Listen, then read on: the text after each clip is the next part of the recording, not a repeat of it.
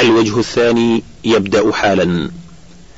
النوع السادس والأربعون معرفة رواية السابق واللاحق.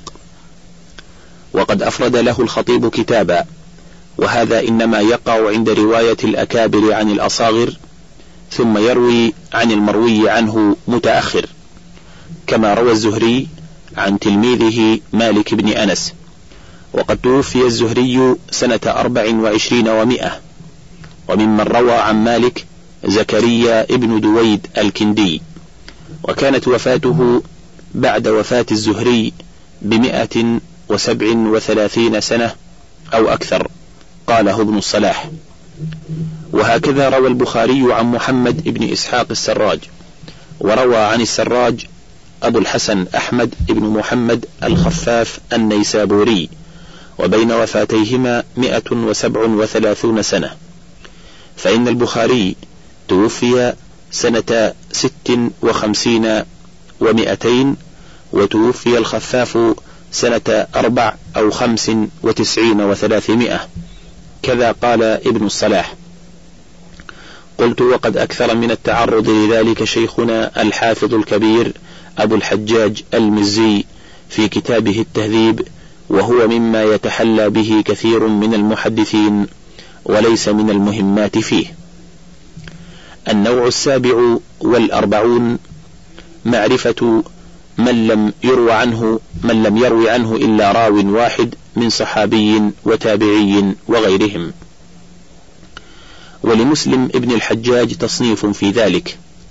تفرد عامر الشعبي عن جماعة من الصحابة منهم عامر ابن شهر وعروة ابن مدرس ومحمد ابن صفوان الأنصاري ومحمد ابن صيفي الأنصاري.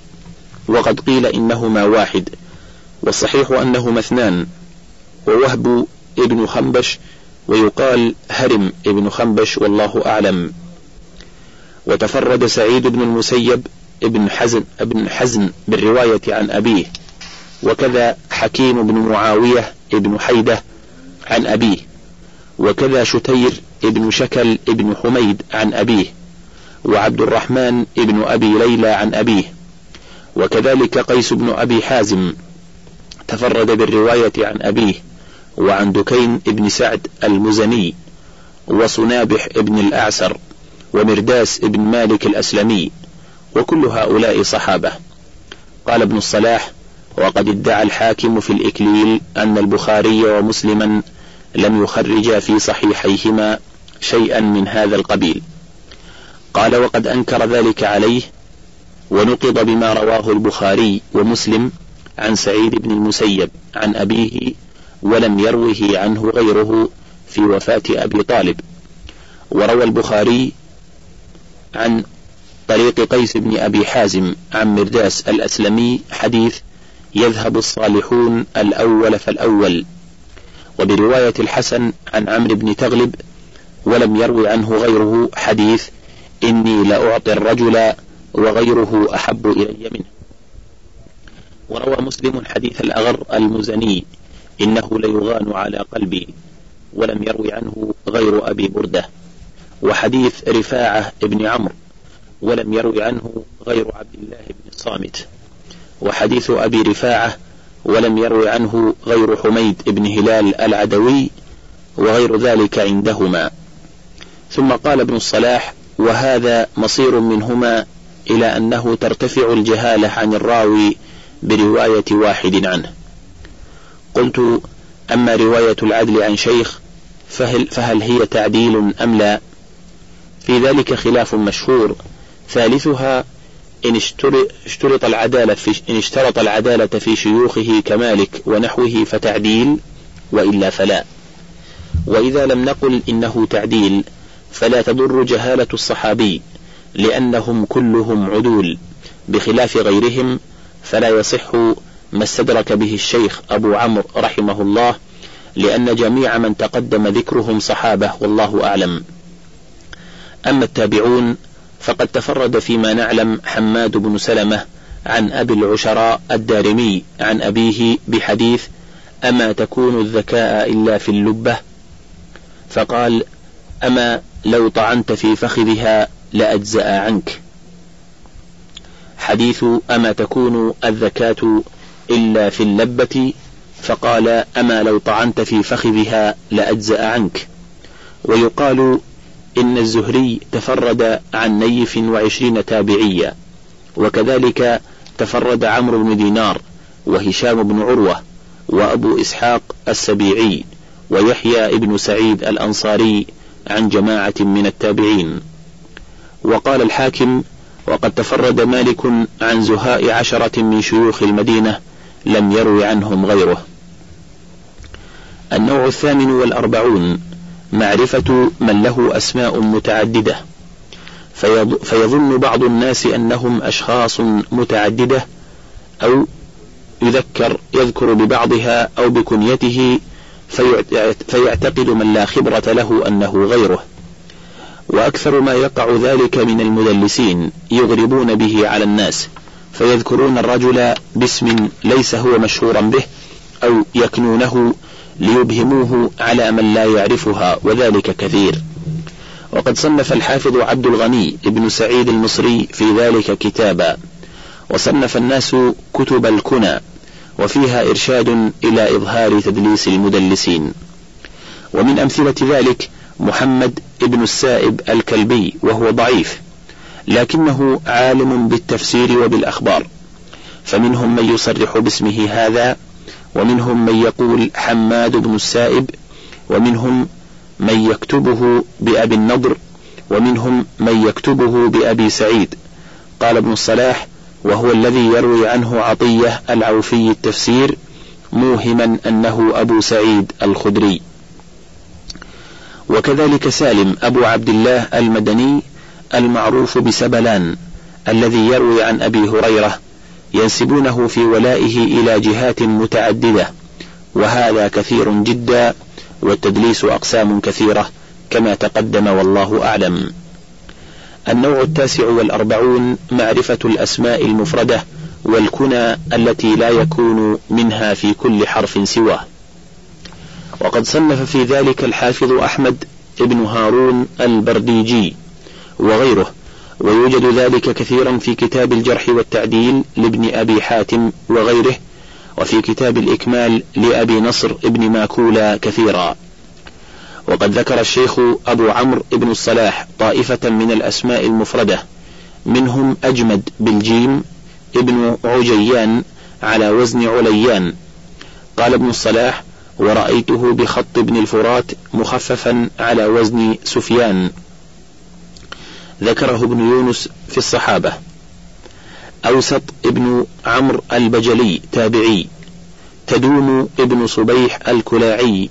عن تبيع الحميري ابن امرأة كعب الأحبار حبيب ابن الحارث صحابي جيلان ابن فروة أبو الجلد الإخباري تابعي. الدجين ابن ثابت أبو الغصن يقال إنه جحا قال ابن الصلاح والأصح أنه غيره. زر ابن حبيش سعير ابن الخمس. سندر الخصي مولى زنباع الجذامي له صحبة. شكل ابن حميد صحابي. شمغون بالشين والغين المعجمتين ابن يزيد أبو ريحانة صحابي. ومنهم من يقول بالعين المهملة. صدي بن عجلان أبو أمامة صحابي. صنابح ابن الأعسر.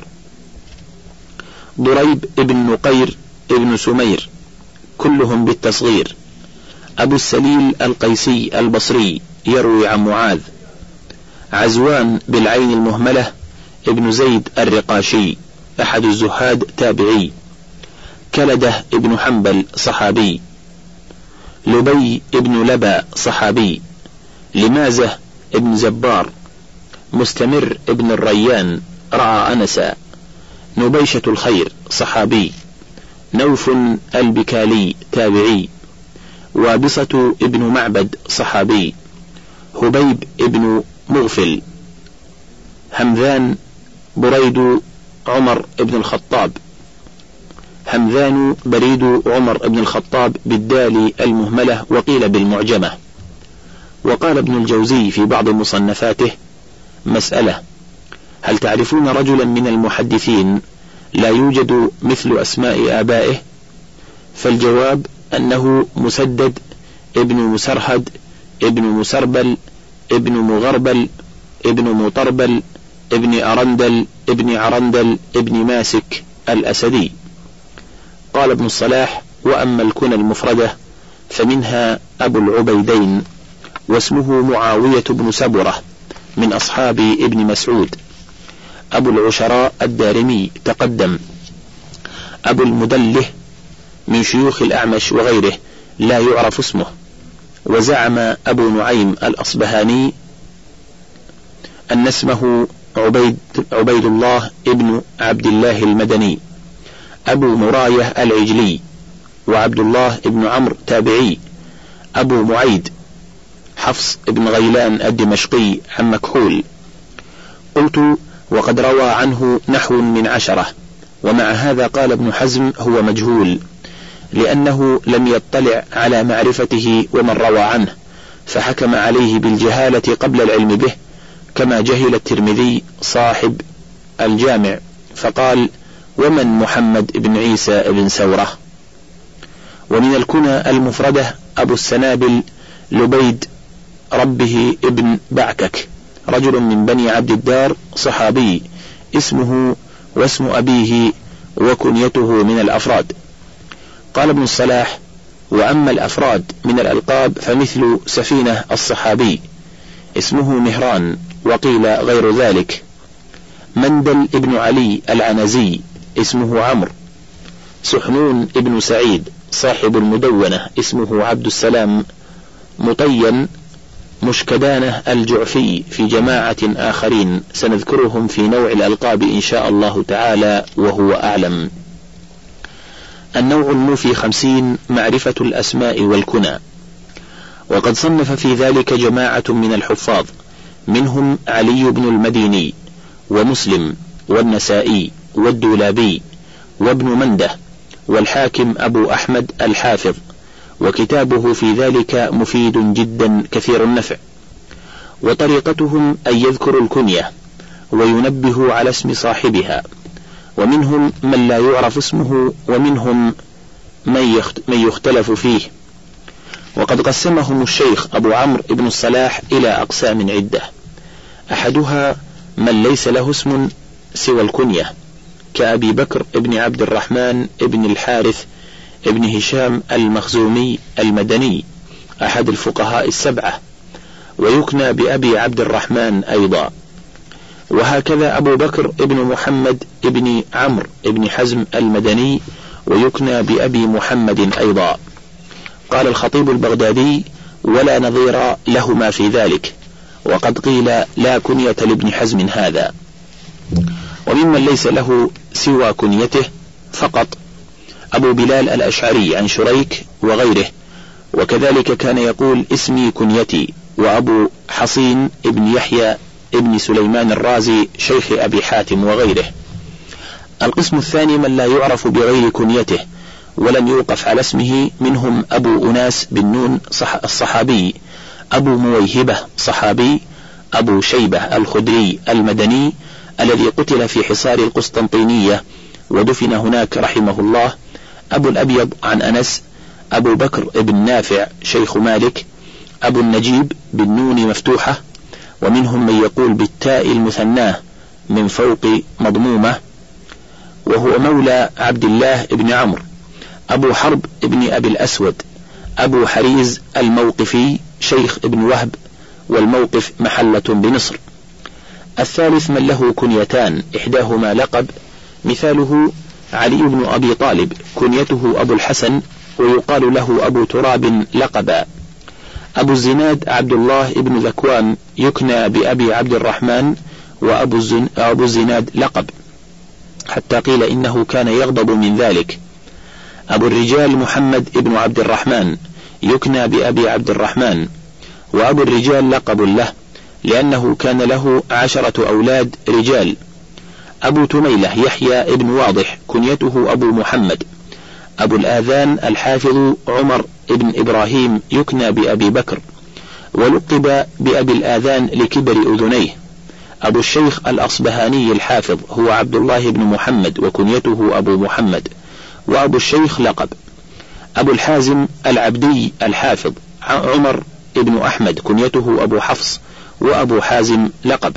قاله الفلكي في الألقاب. الرابع من له كنيتان كابن جريج كان يكنى بأبي خالد وأبي الوليد وكان عبد الله العمري يكنى بأبي القاسم فتركها واكتنى بأبي عبد الرحمن. قلت وكان السهيلي يكنى بأبي القاسم وأبي عبد الرحمن. قال ابن الصلاح وكان لشيخنا منصور بن أبي المعالي النيسابوري حفيد الفراوي ثلاث كنى أبو بكر وأبو الفتح وأبو القاسم والله أعلم. الخامس من له اسم معروف ولكن اختلف في كنيته فاجتمع له كنيتان وأكثر. مثاله زيد بن حارثة مولى رسول الله صلى الله عليه وسلم. وقد اختلف في كنيته. فقيل أبو خارجة وقيل أبو زيد وقيل أبو عبد الله وقيل أبو محمد وهذا كثير يطول استقصاؤه. السادس من عرفت كنيته واختلف في اسمه. كأبي هريرة رضي الله عنه اختلف في اسمه واسم أبيه على أزيد من عشرين قولا. واختار ابن إسحاق أنه عبد الرحمن بن صخر. وصحح ذلك أبو أحمد الحاكم وهذا كثير في الصحابة فمن بعدهم. أبو بكر بن عياش اختلف في اسمه على أحد عشر قولا. وصحح أبو زرعة وابن عبد البر أن اسمه شعبة ويقال إن اسمه كنيته. ورجحه ابن الصلاح. قال لأنه روي عنه أنه كان يقول ذلك. السابع من اختلف في اسمه وفي كنيته وهو قليل كسفينة قيل اسمه مهران وقيل عمير وقيل صالح وكنيته قيل أبو عبد الرحمن وقيل أبو البختري. الثامن من اشتهر باسمه وكنيته كالأئمة الأربعة أبو عبد الله مالك والشافعي وأحمد بن حنبل وأبو حنيفة النعمان بن ثابت وهذا كثير. التاسع من اشتهر بكنيته دون اسمه وكان اسمه معينا معروفا كأبي إدريس الخولاني عائذ الله ابن عبد الله أبو مسلم الخولاني عبد الله بن ثوب أبو إسحاق السبيعي عمرو ابن عبد الله أبو الضحى مسلم ابن صبيح أبو الأشعث الصنعاني شراحيل ابن آدة أبو حازم سلمة ابن دينار وهذا كثير جدا. النوع الحادي والخمسون معرفة من اشتهر بالاسم دون الكنية وهذا كثير جدا. وقد ذكر الشيخ أبو عمرو ممن يكنى بأبي محمد جماعة من الصحابة منهم الأشعث ابن قيس وثابت بن قيس وجبير ابن مطعم والحسن ابن علي وحويطب ابن عبد العزى وطلحة ابن عبيد الله وعبد الله بن بحينة وعبد الله بن جعفر وعبد الله بن ثعلبة بن صعير وعبد الله بن زيد صاحب الأذان وعبد الله بن عمرو وعبد الرحمن بن عوف وكعب بن مالك ومعقل بن سنان. وذكر منهم من يكنى منهم بأبي عبد الله وبأبي عبد الرحمن ولو تقصينا ذلك لطال الفصل جدا وكان ينبغي أن يكون هذا النوع قسما عاشرا من الأقسام المتقدمة في النوع قبله. النوع الثاني والخمسون معرفة الألقاب. وقد صنف في ذلك غير واحد منهم أبو بكر أحمد بن عبد الرحمن الشيرازي وكتابه في ذلك مفيد كثير النفع. ثم أبو الفضل بن الفلكي الحافظ. وفائدة التنبيه على ذلك أن لا يظن أن هذا اللقب لغير صاحب الاسم. وإذا كان اللقب مكروها إلى صاحبه فإنما يذكره أئمة الحديث على سبيل التعريف والتمييز لا على وجه الذم واللمز والتنابز والله الموفق للصواب. قال الحافظ عبد الغني بن سعيد المصري رجلان جليلان لزمهما لقبان قبيحان. معاوية بن عبد الكريم الضال وإنما ضل في طريق مكة. وعبد الله بن محمد الضعيف وإنما كان ضعيفا في جسمه لا في حديثه. قال ابن الصلاح وثالث وهو عارم أبو النعمان محمد بن الفضل السدوسي وكان عبدا صالحا بعيدا عن العرامة والعارم الشرير المفسد. غندر لقب لمحمد بن جعفر البصري الراوي عن شعبة ولمحمد بن جعفر الرازي روى عن أبي حاتم الرازي ولمحمد بن جعفر البغدادي الحافظ الجوال شيخ الحافظ أبي نعيم الأصبهاني وغيره ولمحمد بن جعفر بن دران البغدادي روى عن أبي خليفة الجمحي ولغيرهم. غنجار لقب لعيسى بن موسى التميمي أبي أحمد البخاري وذلك لحمرة وجنتيه روى عن مالك والثوري وغيرهما. وغنجار آخر متأخر وهو أبو عبد الله محمد بن أحمد البخاري الحافظ صاحب تاريخ بخارى توفي سنة ثنتي عشرة وأربعمائة. صاعقة لقب به محمد بن عبد الرحمن شيخ البخاري لقوة حفظه وحسن مذاكرته. شباب هو خليفة بن خياط المؤرخ. زنيج محمد بن عمرو الرازي شيخ مسلم. رستة عبد الرحمن بن عمر. سنيد هو الحسين بن داود المفسر. بندار محمد بن بشار شيخ الجماعة لأنه كان بندار الحديث. قيصر لقب أبي النضر هاشم بن القاسم شيخ الإمام أحمد بن حنبل. الأخفش لقب لجماعة. منهم أحمد بن عمران البصري النحوي روى عن زيد بن الحباب وله غريب الموطأ. قال ابن الصلاح وفي النحويين أخافش ثلاثة مشهورون أكبرهم أبو الخطاب عبد الحميد بن عبد المجيد وهو الذي ذكره سيبويه في كتابه المشهور. والثاني أبو الحسن سعيد بن مسعدة راوي كتاب سيبويه عنه. والثالث أبو الحسن علي بن سليمان تلميذ أبوي العباس أحمد بن يحيى ثعلب ومحمد بن يزيد المبرد. مربع لقب لمحمد بن إبراهيم الحافظ البغدادي. جزرة صالح بن محمد الحافظ البغدادي كليجة محمد بن صالح الحافظ البغدادي ما غمه علي بن عبد الصمد البغدادي الحافظ ويقال علان ما غمه فيجمع له بين لقبين. عبيد العجل لقب أبي عبد الله الحسين بن محمد بن حاتم البغدادي الحافظ أيضا. قال ابن الصلاح وهؤلاء الخمسة البغداديون الحفاظ كلهم من تلامذة يحيى بن معين وهو الذي لقبهم بذلك. سجادة الحسن بن حماد من أصحاب وكيع والحسين بن أحمد شيخ ابن عدي. عبدان لقب جماعة فمنهم عبد الله بن عثمان شيخ البخاري فهؤلاء ممن ذكره الشيخ أبو عمرو واستقصاء ذلك يطول جدا والله أعلم. النوع الثالث والخمسون معرفة المؤتلف والمختلف في الأسماء والأنساب وما أشبه ذلك. ومنه ما تتفق في الخط صورته وتفترق في اللفظ صيغته. قال ابن الصلاح وهو فن جليل. ومن لم يعرفه من المحدثين كثر عثاره ولم يعدم مخجلا. وقد صنف فيه كتب مفيدة من أكملها الإكمال لابن ماكولا على إعواز فيه. قلت قد استدرك عليه الحافظ عبد الغني ابن نقطة كتابا قريبا من الإكمال فيه فوائد كثيرة. وللحافظ أبي عبد الله البخاري من المشايخ المتأخرين كتاب مفيد أيضا في هذا الباب.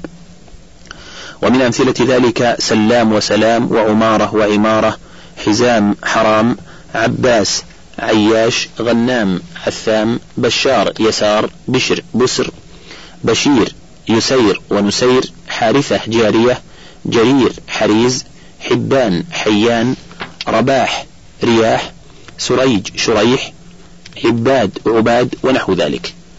وكما يقال العنسي والعيشي والعبسي الحمال والجمال الخياط والحناط والخباط البزار والبزاز الأبلي والأيلي البصري والنصري الثوري والتوزي الجريري والجريري والحريري السلمي والسلمي الهمداني والهمذاني وما أشبه ذلك وهو كثير. وهذا إنما يضبط بالحفظ محررا في مواضعه والله تعالى المعين الميسر وبه المستعان. النوع الرابع والخمسون معرفة المتفق والمفترق من الأسماء والأنساب. وقد صنف فيه الخطيب كتابا حافلا وقد ذكره الشيخ أبو عمرو أقساما. أحدها أن يتفق اثنان أو أكثر في الاسم واسم الأب مثاله الخليل بن أحمد ستة. أحدهم النحوي البصري وهو أول من وضع علم العروض. قالوا ولم يسمى أحد بعد النبي صلى الله عليه وسلم بأحمد قبل أبي الخليل بن أحمد إلا أبي السفر سعيد بن أحمد في قول ابن معين وقال غيره سعيد بن يحمد فالله أعلم. الثاني أبو بشر المزني بصري أيضا روى عن المستنير بن أخضر عن معاوية بن قرة وعنه عباس العنبري وجماعة. والثالث أصبهاني روى عن روح ابن عبادة وغيره. والرابع أبو سعيد السجزي القاضي الفقيه الحنفي المشهور بخراسان روى عن ابن خزيمة وطبقته. الخامس أبو سعيد البستي القاضي حدث عن الذي قبله وروى عنه البيهقي. السادس أبو سعيد البستي أيضا شافعي أخذ عن الشيخ أبي حامد الإسفرايني ودخل بلاد الأندلس. القسم الثاني أحمد بن جعفر بن حمدان أربعة القطيعي والبصري والدينوري والطرسوسي. محمد بن يعقوب يوسف اثنان من نيسابور أبو العباس الأصم وأبو عبد الله بن الأخرم. الثالث أبو عمران الجوني اثنان عبد الملك بن حبيب تابعي وموسى بن سهل يروي عن هشام بن عروة. أبو بكر بن عياش ثلاثة القارئ المشهور والسلمي الباجدائي صاحب غريب الحديث توفي سنة أربع ومائتين وآخر حمصي مجهول. الرابع صالح بن أبي صالح أربعة الخامس محمد بن عبد الله الأنصاري اثنان أحدهما المشهور صاحب الجزء وهو شيخ البخاري والآخر ضعيف يكنى بأبي سلمة. وهذا باب واسع كبير كثير الشعب يتحرر بالعمل والكشف عن الشيء في أوقاته. النوع الخامس والخمسون نوع يتركب من النوعين قبله وللخطيب البغدادي فيه كتابه الذي وسمه بتلخيص المتشابه في الرسم مثاله موسى بن علي بفتح العين جماعة موسى بن علي بضمها مصري يروي عن التابعين. ومنه المخرمي والمخرمي ومنه ثور بن يزيد الحمصي وثور بن زيد الديلي الحجازي وأبو عمرو الشيباني النحوي إسحاق بن مرار ويحيى بن عمرو السيباني عمرو بن زرارة النيسابوري شيخ مسلم وعمرو بن زرارة الحدثي يروي عنه أبو القاسم البغوي. النوع السادس والخمسون في صنف آخر مما تقدم. ومضمونه في المتشابهين في الاسم واسم الأب أو النسبة مع المفارقة في المقارنة وهذا متقدم وهذا متأخر. مثاله يزيد بن الأسود خزاعي صحابي ويزيد بن الأسود الجرشي أدرك الجاهلية وسكن الشام وهو الذي استسقى به معاوية. وأما الأسود بن يزيد فذاك تابعي من أصحاب ابن مسعود الوليد بن مسلم الدمشقي تلميذ الأوزاعي وشيخ الإمام أحمد ولهم آخر بصري تابعي. فأما مسلم بن الوليد بن رباح فذاك مدني يروي عنه الدراوردي وغيره وقد وهم البخاري في تسميته له في تاريخه بالوليد بن مسلم والله أعلم. قلت وقد اعتنى شيخنا الحافظ المزي في تهذيبه ببيان ذلك وميز المتقدم والمتأخر من هؤلاء بيانا حسنا وقد زدت عليه أشياء حسنة في كتاب التكميل ولله الحمد. النوع السابع والخمسون معرفة المنسوبين إلى غير آبائهم وهم أقسام أحدها المنسوبون إلى أمهاتهم كمعاذ ومعوذ بن عفراء وهما اللذان أثبتا أبا جهل يوم بدر. وأمهم هذه عفراء بنت عبيد وأبوهم الحارث بن رفاعة الأنصاري. ولهم آخر شقيق لهما وهو عوذ ويقال عون وقيل عوف فالله أعلم. بلال بن حمامة المؤذن أبوه رباح ابن أم مكتوم الأعمى المؤذن أيضا وقد كان يؤم أحيانا عن رسول الله صلى الله عليه وسلم في غيبته. قيل اسمه عبد الله بن زائدة وقيل عمرو بن قيس وقيل غير ذلك. عبد الله بن اللتبية وقيل الأتبية صحابي. سهيل بن بيضاء وأخواه منها سهل وصفوان واسم بيضاء دعد واسم أبيهم وهب شرحبيل بن حسنة أحد أمراء الصحابة على الشام هي أمه وأبوه عبد الله بن المطاع الكندي. عبد الله بن بحينة وهي أمه وأبوه مالك بن القشب الأسدي. سعد بن حبتة هي أمه وأبوه بجير بن معاوية. ومن التابعين فمن بعدهم محمد بن الحنفية واسمها خولة وأبوه أمير المؤمنين علي بن أبي طالب. إسماعيل بن علية هي أمه. وأبوه إبراهيم وهو أحد أئمة الحديث والفقه ومن كبار الصالحين. قلت فأما ابن علية الذي يعزو إليه كثير من الفقهاء فهو إبراهيم بن إسماعيل هذا وقد كان مبتدئا يقول بخلق القرآن. ابن هراسة هو أبو إسحاق إبراهيم بن هراسة. قال الحافظ عبد الغني بن سعيد المصري هي أمه واسم أبيه سلمة. ومن هؤلاء من قد ينسب إلى جدته كيعلى ابن منية قال الزبير بن بكار هي أم أبيه أمية وبشير ابن الخصاصية اسم أبيه معبد والخصاصية أم جده الثالث. قال الشيخ أبو عمرو ومن أحدث ذلك ومن أحدث ذلك عهدا شيخنا أبو أحمد عبد الوهاب بن علي البغدادي يعرف بابن سكينة وهي أم أبيه. قلت وكذلك شيخنا العلامة أبو العباس ابن تيمية هي أم أحد أجداده الأبعدين وهو أحمد بن عبد الحليم بن عبد السلام بن أبي القاسم بن محمد بن تيمية الحراني. وممن نسب إلى غير أبيه المقداد بن الأسود وهو المقداد بن عمرو بن ثعلبة الكندي البهراني والأسود هو ابن عبد يغوث الزهري وكان زوج أمه وهو ربيبه فتبناه فنسب إليه. الحسن بن دينار هو الحسن بن واصل ودينار زوج أمه وقال ابن أبي حاتم الحسن بن دينار بن واصل. النوع الثامن والخمسون في النسب التي على خلاف ظاهرها. وذلك كأبي مسعود عقبة بن عمرو البدري. زعم البخاري أنه ممن شهد بدرا وخالفه الجمهور قالوا إنما سكن بدرا فنسب إليها. سليمان بن طرخان التيمي لم يكن منهم وإنما نزل فيهم فنسب إليهم. وقد كان من موالي بني مرة. أبو خالد الدالاني بطن من همدان نزل فيهم أيضا وإنما كان من موالي بني أسد. وخالد الحذاء إنما قيل له ذلك لجلوسه عندهم ويزيد الفقير لأنه كان يألم من فقار ظهره. النوع التاسع والخمسون في معرفة المبهمات من أسماء الرجال والنساء. وقد صنف في ذلك الحافظ عبد الغني بن سعيد المصري والخطيب البغدادي وغيرهما وهذا إنما يستفاد من رواية أخرى من طرق الحديث كحديث ابن عباس أن رجلا قال يا رسول الله الحج كل عام؟ هو الأقرع بن حابس كما جاء في رواية أخرى وحديث أبي سعيد أنهم مروا بحي قد لدغ سيدهم فرقاه رجل منهم. هو أبو سعيد نفسه وفي أشباه لهذا كثيرة يطول ذكرها. وأهم ما فيه ما رفع إبهاما في إسناد كما إذا ورد في سند عن فلان بن فلان أو عن أبيه أو عن عمه أو أمه فوردت تسمية هذا المبهم من طريق أخرى فإذا هو ثقة أو ضعيف أو ممن ينظر في أمره فهذا أنفع ما في هذا. النوع الموفي الستين معرفة وفيات الرواة ومواليدهم ومقدار أعمارهم. ليعرف من أدركهم ممن لم يدركهم من كذاب أو مدلس فيتحرر المتصل والمنقطع وغير ذلك. قال سفيان الثوري لما استعمل الرواة الكذب استعملنا لهم التاريخ. وقال حفص بن غياث إذا اتهمتم الشيخ فحاسبوه بالسنين. وقال الحاكم لما قدم علينا محمد بن حاتم الكشي فحدث عن عبد, عبد بن حميد. سألته عن مولده فذكر أنه ولد سنة ستين ومائتين فقلت لأصحابنا إنه يزعم أنه سمع منه بعد موته بثلاث عشرة سنة. قال ابن الصلاح شخصان من الصحابة عاش كل منهما ستين سنة في الجاهلية وستين في الإسلام وهما حكيم بن حزام وحسان بن ثابت رضي الله عنهما.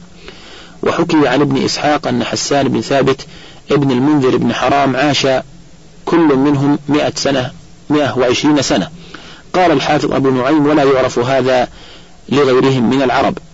قلت قد عمر جماعة من العرب أكثر من هذا وإنما أراد أربعة نسقا يعيش كل منهم مئة وعشرين سنة لم يتفق هذا في غيرهم. قلت وأبو عبد الله محمد بن يزيد بن ماجه القزويني صاحب السنن التي كمل بها الكتب الستة السنن الأربعة بعد الصحيحين التي اعتنى بأطرافها الحافظ ابن عساكر وكذلك شيخنا الحافظ المزي اعتنى برجالها وأطرافها وهو كتاب قوي التبويب في الفقه وقد كانت وفاته سنة ثلاث وسبعين ومائتين رحمهم الله. سبعة من الحفاظ انتفع بتصانيفهم في أعصارنا. أبو, الحاس أبو الحسن الدار قطني توفي سنة خمس وثمانين وثلاثمائة. الحاكم أبو عبد الله النيسابوري توفي في صفر سنة خمس وأربعمائة وقد جاوز الثمانين. عبد الغني بن سعيد المصري في صفر سنة تسع وأربعمائة بمصر.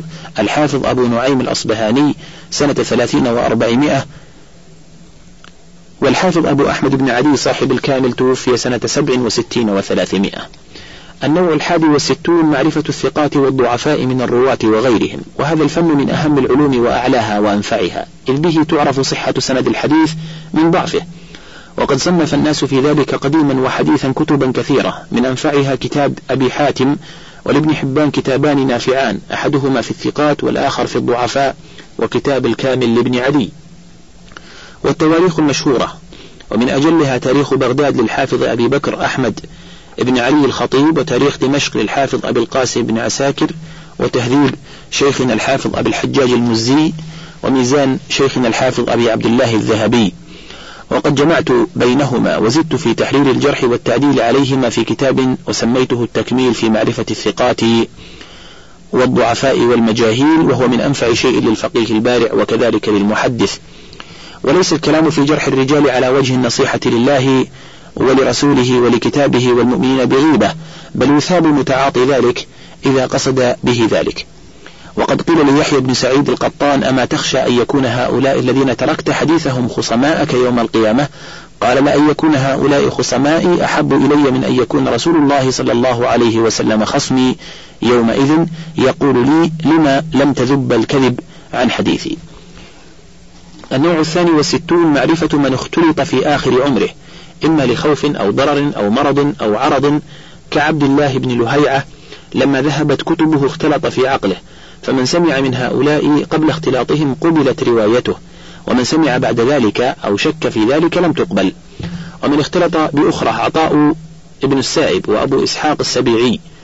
قال الحافظ أبو يعلى الخليلي وإنما سمع ابن عيينة منه بعد ذلك وسعيد ابن أبي عروبة وكان سماع وكيع والمعافى بن عمران منه بعد اختلاطه والمسعودي وربيعة وصالح مولى التوأمة وحسين بن عبد الرحمن قاله النسائي وسفيان بن عيينة قبل موته بسنتين قاله يحيى القطان وعبد الوهاب الثقفي قاله ابن معين وعبد الرزاق ابن همام قال أحمد بن حنبل اختلط بعدما عمي فكان يلقن فيتلقن فمن سمع منه بعدما عمي فلا شيء. النوع الثالث والستون معرفة الطبقات وذلك أمر اصطلاحي. فمن الناس من يرى الصحابة كلهم طبقة طبقة واحدة ثم التابعون بعدهم كذلك. ويستشهد على هذا بقوله عليه السلام خير القرون قرني ثم الذين يلونهم ثم الذين يلونهم. فذكر بعد قرنه قرنين أو ثلاثة. ومن الناس من يقسم الصحابة إلى طبقات وكذلك التابعين فمن بعدهم. ومنهم من يجعل كل قرن أربعين سنة ومن أجل الكتب في هذا طبقات محمد بن سعد كاتب الواقدي وكذلك كتاب التاريخ لشيخنا العلامة أبي عبد الله الذهبي رحمه الله وله كتاب طبقات الحفاظ مفيد أيضا جدا. النوع الرابع والستون معرفة الموالي من الرواة والعلماء. وهو من المهمات فربما نسب أحدهم إلى القبيلة فيعتقد السامع أنه منهم صليبة وإنما هو من مواليهم فيميز ذلك ليعلم وإن كان قد ورد في الحديث مولى القوم من أنفسهم. ومن ذلك أبو البختري الطائي وهو سعيد بن فيروز وهو مولاهم. وكذلك أبو العالية الرياحي وكذلك الليث بن سعد الفهمي وكذلك عبد الله بن وهب القرشي وهو مولى لعبد الله بن صالح كاتب الليث وهذا كثير. فأما ما يذكر في ترجمة البخاري أنه مولى الجعفيين فلإسلام جده الأعلى على يد بعض الجعفيين. وكذلك الحسن بن عيسى الماسرجسي ينسب إلى ولاء عبد الله بن المبارك بأن أسلم على يديه وكان نصرانيا. وقد يكون بالحلف كما يقال في نسب الإمام مالك بن أنس مولى التيميين وهو حميري أصبحي صليبة. ولكن كان جده مالك بن أبي عامر حليفا لهم وقد كان عسيفا عند طلحة بن عبيد الله التيمي أيضا فنسب إليهم كذلك. وقد كان جماعة من سادات العلماء في زمن السلف من الموالي. وقد روى مسلم في صحيحه أن عمر بن الخطاب لما تلقاه نائب مكة أثناء الطريق في حج أو عمرة قال له من استخلفت على أهل الوادي؟ قال ابن أبزة قال ومن ابن أبزة قال رجل من الموالي. فقال أما إني سمعت نبيكم صلى الله عليه وسلم يقول إن الله يرفع بهذا العلم أقواما ويضع به آخرين. وذكر الزهري أن هشام بن عبد الملك قال له من يسود مكة؟ فقلت عطاء. قال فأهل اليمن. قلت طاووس. قال فأهل الشام. فقلت مكحول. قال فأهل مصر. قلت يزيد بن أبي حبيب. قال فأهل الجزيرة. فقلت ميمون بن مهران. قال فأهل خراسان. قلت الضحاك بن مزاحم. قال فأهل البصرة. فقلت الحسن بن أبي الحسن. قال فأهل الكوفة. فقلت إبراهيم النخعي. وذكر أنه يقول له عند كل واحد أمن العرب أم من الموالي؟ فيقول من الموالي. فلما انتهى قال يا زهري والله لتسودن الموالي على العرب حتى يخطب لها على المنابر والعرب تحتها. فقلت يا أمير المؤمنين إنما هو أمر الله ودينه. فمن حفظه ساد ومن ضيعه سقط. النوع الخامس والستون معرفة أوطان الرواة وبلدانهم. وهو مما يعتني به كثير من علماء الحديث. وربما ترتب عليه فوائد مهمة منها معرفة شيخ الراوي فربما اشتبه بغيره فإذا عرفنا بلديه تعين بلديه غالبا وهذا مهم جدا. وقد كان العرب إنما ينسبون إلى القبائل والعمائر والعشائر والبيوت والعجم إلى شعوبها ورساتيقها وبلدانها وبنو إسرائيل إلى أسباطها. فلما جاء الإسلام وانتشر الناس في الأقاليم نسبوا إليها أو إلى مدنها أو قراها. فمن كان من قرية فله الانتساب إليها بعينها وإلى مدينتها إن شاء أو إقليمها. ومن كان من بلدة ثم انتقل منها إلى غيرها فله الانتساب إلى أيهما شاء. والأحسن أن يذكرهما فيقول مثلا الشامي ثم العراقي أو الدمشقي ثم المصري ونحو ذلك. وقال بعضهم إنما يسوغ الانتساب إلى البلد إذا أقام فيه أربع سنين فأكثر وفي هذا نظر والله سبحانه وتعالى أعلم بالصواب. هذا آخر ما يسره الله تعالى من اختصار علوم الحديث وله الحمد والمنة وصلى الله على سيدنا محمد وعلى آله وصحبه وسلم.